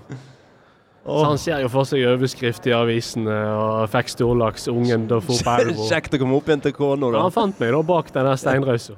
Da hadde du krøpet ut av bæremeisa. Fint å komme opp igjen til kona. Du, jeg fikk laks, men jeg mistet, Jeg har jeg har alltid sett på det som en god historie, men nå har jeg jo en sønn sjøl, så jeg skjønner jo at det der må være en dårlig følelse. En del liter med flytende nitrogen nedover ryggraden akkurat når du ser den tomme bæremeisen. Det, Så, men det sier jo litt om hva laksen gjør med oss. Ja, men, men også, ikke sant, altså, det, det, det, er jo veldig forskjellig bakgrunn. For at det at jeg leste nileste, jeg leste biblioteket tomt for Hans Lidman. Mm. Og Grunnen til det var jo at jeg fikk jo ikke fiska. Jeg fikk i hvert fall ikke fiske laks når jeg oppvokste i Gausdal. Lillehammer det er jo et håpløst sted å bo hvis du, eh, hvis du har sånne interesser fant, og foreldre som ikke vil. Hvordan fant du ut at du ville fiske laks? da? Nei, altså pappa kommer fra gård på Vestlandet. Ja. Og det er ei sånn lakseelv som er omtrent eh, sånn fra her og bort til Bokhylla. Mm. Og hvor det, det er sånn flomelv. Mm. Og jeg har aldri fått laks der. Søskenbarnet mitt som var fem år eldre, fikk eh, laks der. Og det tror jeg tente en sånn eh, Mm. Tente en sånn gnist som liksom tok fyr i Lidmann, og, og som gjorde at liksom Når jeg flytta til Finnmark, det var egentlig først da i 2008 at jeg begynte å fiske laks. Eh, Inntil, for, inntil 2020 så hadde jeg aldri fått laks lenger sør enn Nord-Troms. Det er fett. Det er sprøtt. Eh, Så nå er jeg kommet til Trøndelag, da, men eh, jeg fikk jo ikke noe laks i Mandalselva. Jakter du den sørligste laksen nå, eller? Nei, det er et eller annet som vrir seg i meg ved å jakte sånn lengst sør-rekorder. Det- Kanskje vi tar oss en tur til Spania og Frankrike? og- Kan vi dra innom den Hva heter den i Frankrike? Loir? Loir, ja. Det gjør vi. Ja, nei, det, nei, Mandalselva er jo en, altså det er jo faktisk en veldig fin elv. Veldig. Ja. Ja, det, og det, den har jo på en måte mange av de kvalitetene som du òg assosierer med Finnmark. Altså Mm. lett tilgjengelig fiske og mye fisk. Ja, ja, ja. Skogaren i meg uh, syns det er gøy når du skriver i boka at du det går opp for deg at du ikke du er sikker på om det er eik eller en alm eller en lind. Og, Ja, altså, jeg innser at jeg vet ikke hvordan ei eik ser ut. Jeg Kan ikke treslag? vok- Vokst opp, vokst opp i en fjelldal på eh, liksom eh, Altså, vi hadde et kvarter i bil, så var vi over Terrengrensa. Og det, det var jo ikke noe eik der. Og så har jeg alltid dratt nordover, og det har jo familien òg gjort. Eh, og flytta til Finnmark og bodde i Trøndelag. Altså, det er ikke mye eik, da. Så er liksom, eh, jeg står der med Kenneth, og han snakker om eika som liksom har bygd Sørlandet. Så tenker jeg at liksom Jeg vet ikke hvordan ei eik ser ut. Hvis du, hvis du Det er litt flaut å spørre, men det er fryktelig dumt å ikke gjøre det. For da går jeg jo ut igjen seinere i dag og vet fortsatt ikke hvordan ei eik ser ut. Men nå, nå vet jeg hvordan ei eik ser ut. Hvis du vil lære litt om tresorter når du er på fiske, så må du begynne å reise med Ørjan. Det, det er mye ost på eik. Ja, det er jobben, da, så det er jo, burde, burde jo vite. Jeg, jeg er sånn som jeg tør ikke spørre lenger, for jeg, jeg, har, ikke, jeg har ikke lært meg sorten ennå. Men jeg, jeg lærte at eika sånn i gamle dager, akkurat som du liksom på, på heimkunnskapen på skolen, så var det sånn plansjer med hvordan deler du opp en sau, ikke sant? Så var det sånne plansjer med hvordan deler du opp ei eik, sånn at du får de der bøyde delene Ja. som eh, skipsbyggerne trenger. Da. Det, er- og det var veldig fint i Mandal da, at de hadde bygd ei eh, laksetrapp hvor det øverste kammeret hadde en eikevegg. Ja, Fin. Det er tøft. Mm. det, Funker, det, funker det øverste kameraet? Ja da. Ja, ja. Det varer jo tilnærmet evig. Og du skriver jo faktisk du skriver jo noe som er veldig sånn kjent for, eh, for eh, de som jobber med skog, er at eika vokser i 500 år, og så dør hun i 500 år. Altså hun blir 1000 år. Altså det, da hadde jeg heller ikke trodd jeg skulle lese når jeg begynte på den boka. Nei, er du enig i at det er lettere å forholde seg til laksen som har kortere livsløp enn oss, enn Ja. eika som har mye lenger? Om jeg syns det er lettere? Ja. Jeg føler jeg har akkurat like mye respekt for begge. Altså det ja men jeg syns det er så vanskelig å forstå det at liksom det der vesle spira som kommer Ja, opp der nå, hva det egentlig betyr at den skal være der om 1000 år. Ja, jeg har, altså jeg har jo tre hjemme som jeg vet har sett vikingskip.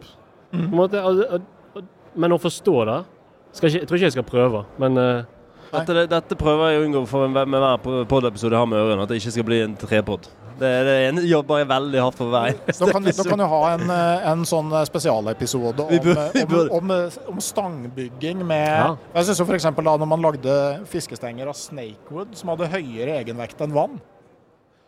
Da snakker du eh, Det, det er ikke akkurat eh, superlett eh, NRX-karbon når du skal stå med en 18-fots snakewood-stang en hel dag.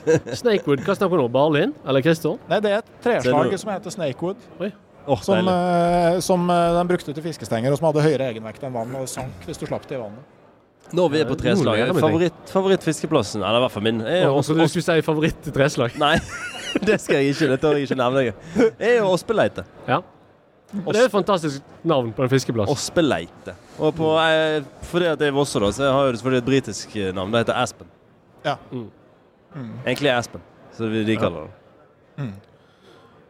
Ja. Nei, men, men, men det er jo på en måte sånn den der eh, laksefiske, ikke sant. Du står der og observerer det som er rundt deg, Mm, og, og du har en veldig sånn derre Nei, det er jo litt sånn der, Du kan jo kalle det nesten meditativt, da. Og så slår det liksom Ja. sånn over i det laksen tar, i noe helt annet. ja. Eh, Det, det er jo en sånn fin greie du observerer veldig mye, fordi du også står i veldig mye ro. da. ja. Og du får tenkt veldig mye. Jeg eh, reflekterer ofte over det etter endt fiskedøgn. Hva, hva, det, hva er det jeg har tenkt på nå? Og så begynner jeg å tenke, altså, Det er jo så mye greier som kommer inn. Og, og så begynner du igjen på teoriene. Da, hva skal du gjøre? Hvorfor ta laksen? Det er jo det spørsmålet som alle stiller seg. Og så mener man sjøl at man har et veldig bra svar på det. Og så eh, begynner man å tvile litt på det svaret. Så, nei, man får jo Man grublet mye, da.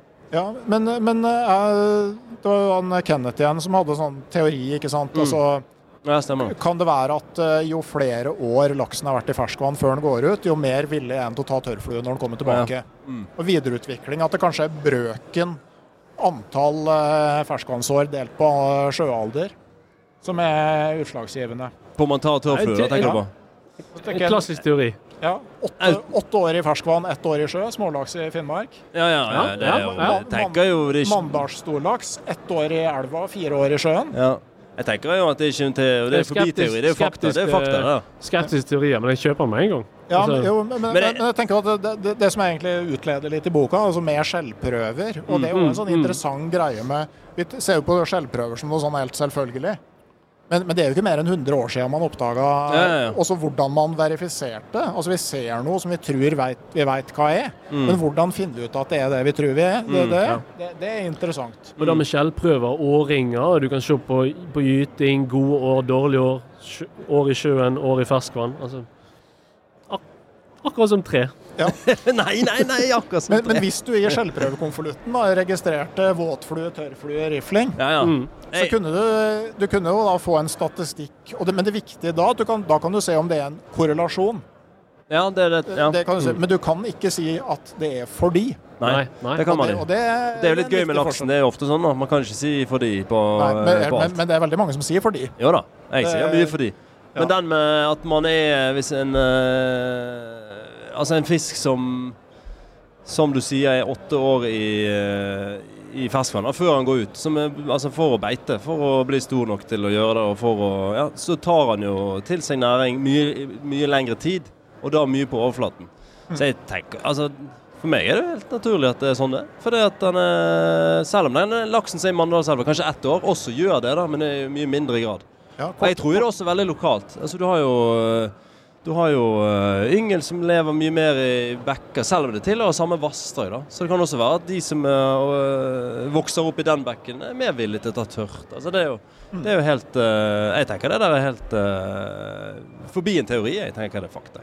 Sånn er det. Det er etablert. Men vi, skal, vi skal begynne å bevege oss mot en slutt her, det, sånn at folk kan få se litt mer av messa òg. Men, eh, men jeg tenker så vi har jo en ting vi må gjennom i en episode av Bakhaugen.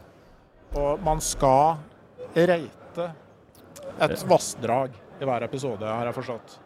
Kan dere forklare det? Podkasten Bakhaugen vi har hatt ei vassdragsliste som eh, de første De første 10-12 episodene Ja. så var vi flinke. Vi hadde fast spalte på at vi skulle reite et vassdrag. Så på samme måte som du drar oss ut av gytegrusen eh, og inn på villmarksmessa nå og får oss i gang, så eh, skal vi tilbake igjen til vassdragslista. Og du var veldig bestemt på at vi skulle reite Tana, selvfølgelig. I forhold til boka og i forhold til din eh, Altså, hvis vi først skal reite Tana, så er det jo når du Holdt jeg på å kalle deg for gjest i din egen podkast, men Ja, men, men det er jo gjest i deres, akkurat som Ja. dere er gjest i min. Jeg tenker det er ganske mange som måtte, kunne vært eh, mer kvalifisert til å reite Tana, da. Det, det skal man jo si. Men, Ja, men vi har ikke vært så opptatt av om vi skal være kvalifisert til de andre vassdragene her, da. heller. det som gjorde at jeg syns det var helt greit. At det, det virker ikke som det er så viktig å kvali være kvalifisert. Og jeg tenker at en sånn liste må ha Tana på seg Ja, før vi- man kommer til liksom vassdrag nummer 50. Ja, riktig. Selvfølgelig. selvfølgelig. Og vi var jo Litt av grunnen til at vi valgte å tone ned fokuset på rating, var jo at det- er mye følelser i, i hver eneste elvedal. Og det så vi ganske tidlig at uh, Ni- 90% av tilbakemeldingene til podkasten er jo uh, på vassdragslista. Det gir noe med folk. Det, det er som når du forteller noen som har fått en laks at Nei, det der er faktisk en eh, oppdrettsfisk. Ja, det er litt det samme, ja. Så og hvis den personen har tenkt sjøl at det er en villaks, så, så kan du ha så mye bakgrunn for å fortelle han at det er en oppdrettslaks bare vill. Det blir aldri rett. Ja. Eh, og Ja, så det er kanskje litt sånn eh, når du får sånn nabofeider at eh, altså, Hvordan du var i forhold til den beste er kanskje ikke så viktig, men altså at du kom bak naboelva, det vil jeg Ja. tro svir. Ja, det, ja. Men, men, det- men skal Men det er våre synsinger, tolkninger og meninger om uh... Vi er veldig tydelige på at det er vår uh, subjektive mening, Ja. og uh, begge må egentlig ha fiska i vassdraget. Så Ja, Tana er jo regel. Eh, litt spesielt nå, eh, fordi at jeg har ikke fiska i Tana. Jeg har fisket. Men du har fiska, Bjørnar, 2003. mens det var gode år, og mens jeg drev og vasa rundt i Canada. Ja. Det, det, nei, det var Ja, 2003. Det, var, det lille jeg husker, var at det var lite vann. Vi skulle fiske i sideelvene, for det hadde min far funnet ut at det var gøy. Men vi endte opp med å fiske pluss-minus uh, Tanabru. Mm. Så vi fisket uh, nedom der. Vi fikk laks. Eh, det jeg husker best, var at vi fanget harer, og så lagde vi sånn dammer på land. Og så satte vi haren oppi der, og så kom måsen og tok de da, dagen etterpå. Det er det jeg husker best. Men uh, jeg husker, vi, så, vi fikk uh, Min far kroket en ti kilos. Mhm. Og som jeg og min bror byttet på å kjøre på, da, altså få, få inn på land. Og jeg tror vi brukte halvannen time på sånn litt bøy i tuppen og sånn ødelagt diversnelle. Men han kom på land, da. Så jeg har bilder av en tikilos fra Det, jeg har vel ikke fått noe større enn fire-fem, men det som jeg, jeg skriver jo i boka òg. Altså, jeg har fått en eh, på 5,9 på rifling og enhånds langt, langt oppi Komagelva. Og den reita er høyere enn det om man hadde fått en 12 kilos. Ja, ja, ja. ja, ja. Der er vi enige. Der er vi enige. Når du står her og liksom eh, laksen er ved Ja, ja. pulken rett bort der. Men den lista deres da, den, den har jo en spesiell eh, måleenhet. Ja. Vi måler lista i antall eh, død oppdrettslaks fra oppdrettsnæringa i løpet av et år. Eh, så da vil jeg si at ifra sist gang vi reita et vassdrag, for det her var 52,6 millioner døde Ja, oppdrettslaks. og ironisk nok så er den beste scoren en et vassdrag kan få, det er 52,6 millioner. Da. Ja. Som kanskje burde vært omvendt når vi, når vi ser tilbake i tid. Og dette har jo nå økt til eh, 58 millioner. Ja, Nye tall. Kunne jo diskutert hvorfor ikke smoltdødelighet og rognkjeks er med på lista, men Ja, 58 millioner Ja, eh, Rognkjeksen burde absolutt vært med. Vi har holdt oss vekke fra oppdrett òg nå Ja. i dag. Og det, jeg ser jo på tida at det er jo bra. At vi har. Men, eh, men eh, eh, det er jo òg for å holde fok sette fokus i hver eneste episode på at det faktisk dør hundretusenvis Ja, ikke glemme det. fisk husker det. jo hver dag. Ja. Men eh, det jeg har lurt på, da, at liksom et, da, nå er det et 58 millioner vassdrag. Det Ja. er liksom toppscore. Men hva er det? Altså, Er det på en måte den platonske ideen lakseelv? Mm. Eller er det det beste vassdraget man kan ha i Norge? Eh, subjektiv eh, formening. Og det er den som leder nå, det er vel Driva. Driva leder. Fordi den naturlig At fisken naturlig kan gå såpass langt som den kan, Mm. og så høyt som den kan. Og eh, kludden trekker veldig opp. Grovvokst sjøørret. Og eh, rekordfluelaks. Og så er jo, Gry, er jo driver Gyro infisert, men det har vi bare sett bort ifra, tydeligvis. Så det er ikke alt, det er ikke alt, eh, det er ikke alt som kommer med. Men det er ikke Elven sin feil her. Nei, det er ikke Elven sin feil. Jeg tenker for min del at liksom et, et friskt og livskraftig Tanavassdrag som Ja, man så ja. rundt årtusenskiftet, er i mine øyne 58 millioner. Ferdig snakka. Det, det, det må nevnes. Ja, det som vi må nevnes, er jo at uh, i drivepisoden så var jo Helge Dahl med. Ja, OK. Det, Og så han eh, der, Han spilte inn ganske mye, så du har muligheten, Randulf, til å nå eh, Vi pleier ofte å spørre lokalkunnskap da, for å gi oss en eh, tre-fire setninger om, eh, om vassdraget. Lokalkunnskapen er jo ikke her, men eh, jeg har vært litt rundt der. Og det er jo 1400 lakseførende kilometer. Ja. Og, og liksom spennvidden fra den store floden med båtfiske. Du har eh, norgesrekorden på laks. Mm. Nils Valle med Mm. W. Mm. Vi er ikke i slekt. Mm. Jeg vurderte å skifte navn til Valle med W da vi bodde i Finnmark, da, bare for å sole meg litt i glansen. Eh, men, eh, og så har du de 30 forskjellige bestandene som går opp i helt forskjellige elver. Mm. Små, grunne elver med tørrfluefiske.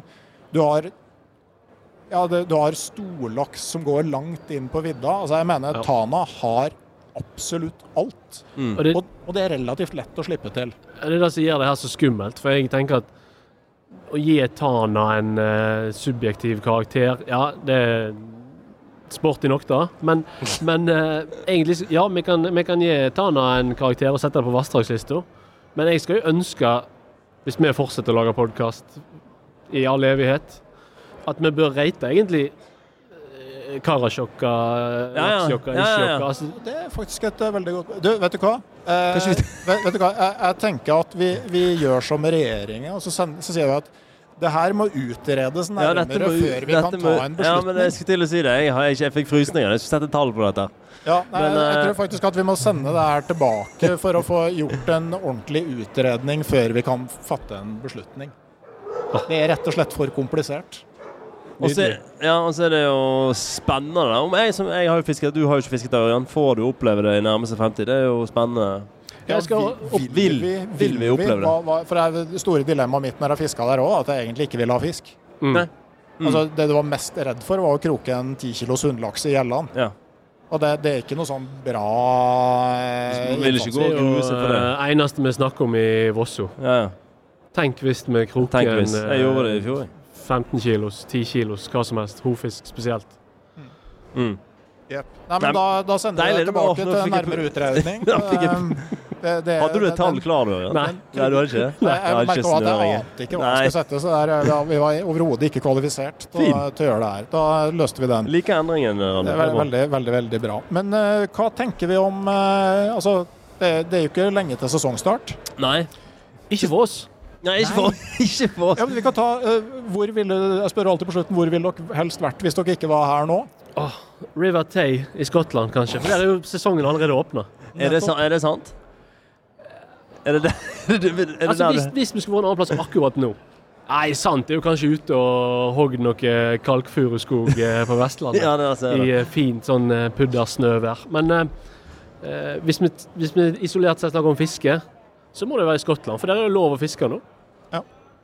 Jeg, eh, vi skal jo, eh, som Ørjan sier, til Skottland om få dager. Lite forberedt, lite research, men litt. Om seks dager. All, Om alt, seks dager. alt som normalt? alt som normalt, egentlig. Men eh, de får fisk, som Ja. virker helt sprøtt i påskeferien. I tweed og sixpence. Ja, i tweed, og Ørjan begynner å snakke om på at han skal, Ørjan skal ikke ha med seg utstyr på seg, han skal leie seg en sånn tweed. så, jeg vet ikke hva det blir til, men eh, Nei, jeg må svare det samme. Hvis jeg ikke får lov å velge dato og årstall på hvor jeg har lyst til å være akkurat nå, så må det jo bli Skottland. da. Nei, men det, det høres jo greit ut. Hva Ja. dere tror om eh, altså, Grunntilstanden for en laksefisker om våren er jo ukuelig optimisme. Ja. Det må være det. Mm. Men hva tror vi om eh, årets sesong? Oddetallsåret, da. Pukkel. Ja. Ja. Oddetallsår Tror jeg om 2023. Jeg tror man eh, jeg synes, ja, Vi snakket jo litt om det i sted, men at du ble ferdig med boken i år. For det kan godt hende det er annerledes å skrive bok om laks om eh, et kalenderår eller to år. Jeg innså rundt eh, november at hvis jeg ikke fikk eh, ut den boka nå i vår, Ja. så var det ikke sikkert den noen gang kom til å komme. For det kunne hende at den måtte omarbeides så mye Ja. at, at liksom, den ble, det ble helt meningsløst. Det er jo estimert. Og så det var 2021, sant, som var forrige pukkelår. Da snakket vi ja, i 2023 neste gang. Da føltes det ut som det var så lenge til. Men nå er vi der. Og nå Hva er tallet hvis vi skal få en 800 Nei, ja, 800% stigning? er det nesten Vi snakker nesten eh, ja, tigangen av det siste En million estimatet. Ja, det pukkel? Ja, er det, så det, blir, eh, det blir ganske brutalt i Øst-Finnmark i så fall. Altså. Ja. Så, kan, så kan du ikke øke eksponentielt inn i evigheten. Nei. Du når jo et gytebestandsmål der òg. Ja, men du vil jo pike litt, og så vil det vel gå litt ned, og så flate ut, da. Men, men det er klart, i og med at yngelen, altså, yngelen smolt, kom opp som smolt og fyk rett ut, så Mm. har jo elva kapasitet til å dra fram ganske mye mer mm. smolt enn med, med vår laks. Men eh, Så man altså, det blir jo det som preger sesongen. Det blir nok preger sesongen uh, overalt, og det preget jo i 2021 eh, egentlig hele Norge. da. Selv om det var selvfølgelig mest oppe i Finnmark, det er de som har mest å ty med. Men det var jo på Vestlandet og på Østlandet, det, Glomma og selv har du masse pukkel. Så vi, det vil jo være eh, det som preger årets sesong. Så, Men jeg personlig både meg og Jan har ganske mye, litt for mye planlagt fiske da, for, for at man har småbarnsfamilie. Så det blir jo det stress å jage og prøve å finne tid, tid til å fiske. da. Du Det, driver jo og øker på familie... ja, jeg driver og produserer flere òg, så jeg eh, Har du, har du nådd gytebestandsmålet? Nei, det, jeg er ikke så glad i begrepet gytebestand vi Nei, vi må ikke begynne å snakke om Nei, det, må, gytebestandsmål. ikke- det er for seint. Men syns det er et dårlig begrep. Gytebestandsminimum. Ja. Det, har- det har jeg nådd. Mm. Ja. Jeg har nådd gytebestandsminimum. Ja, men det, det er bra. Jeg, jeg tror det Når man har nådd gytebestandsminimum, så må det være lov å, å runde av. Eh, tusen takk for at dere eh, ville være med. Tusen takk for at du inviterte oss. Veldig kjekt. Ja, og ditto. Vi kan jo takke begge retninger her. Ja. Ja. Eh, det her var siste livepod for i dag. Eh, om dere kommer tilbake i morgen, så eh, blir det villmarksmaraton fra den scenen her fra halv elleve og utover dagen. Marius Nergård Pettersen blir med som medprogramleder, og vi får besøk av bl.a. Jan Monsen, Mattis Tørud, Tor Godtås, Jens Kvernmo og Sigrid Sandberg utover dagen. Så nevner jeg at eh, Barents Outdoor er kommersiell samarbeidspartner for podkasten Uteliv. Dere finner dem på andre sida av gata. Og at podkasten Uteliv også har et digitalt turlag på Patrion, hvor det går an å bli medlem. Da gir du et månedlig bidrag til podkasten og får eksklusive episoder og annet innhold tilbake. Vel, uansett, håpes vi ser, ser dere her i morgen, til dere som er og ser det her live. Og dere andre hører til om ei uke, for da kommer det en ny episode av podkasten Uteliv. Og til da så sier vi rett og slett bare ha det bra.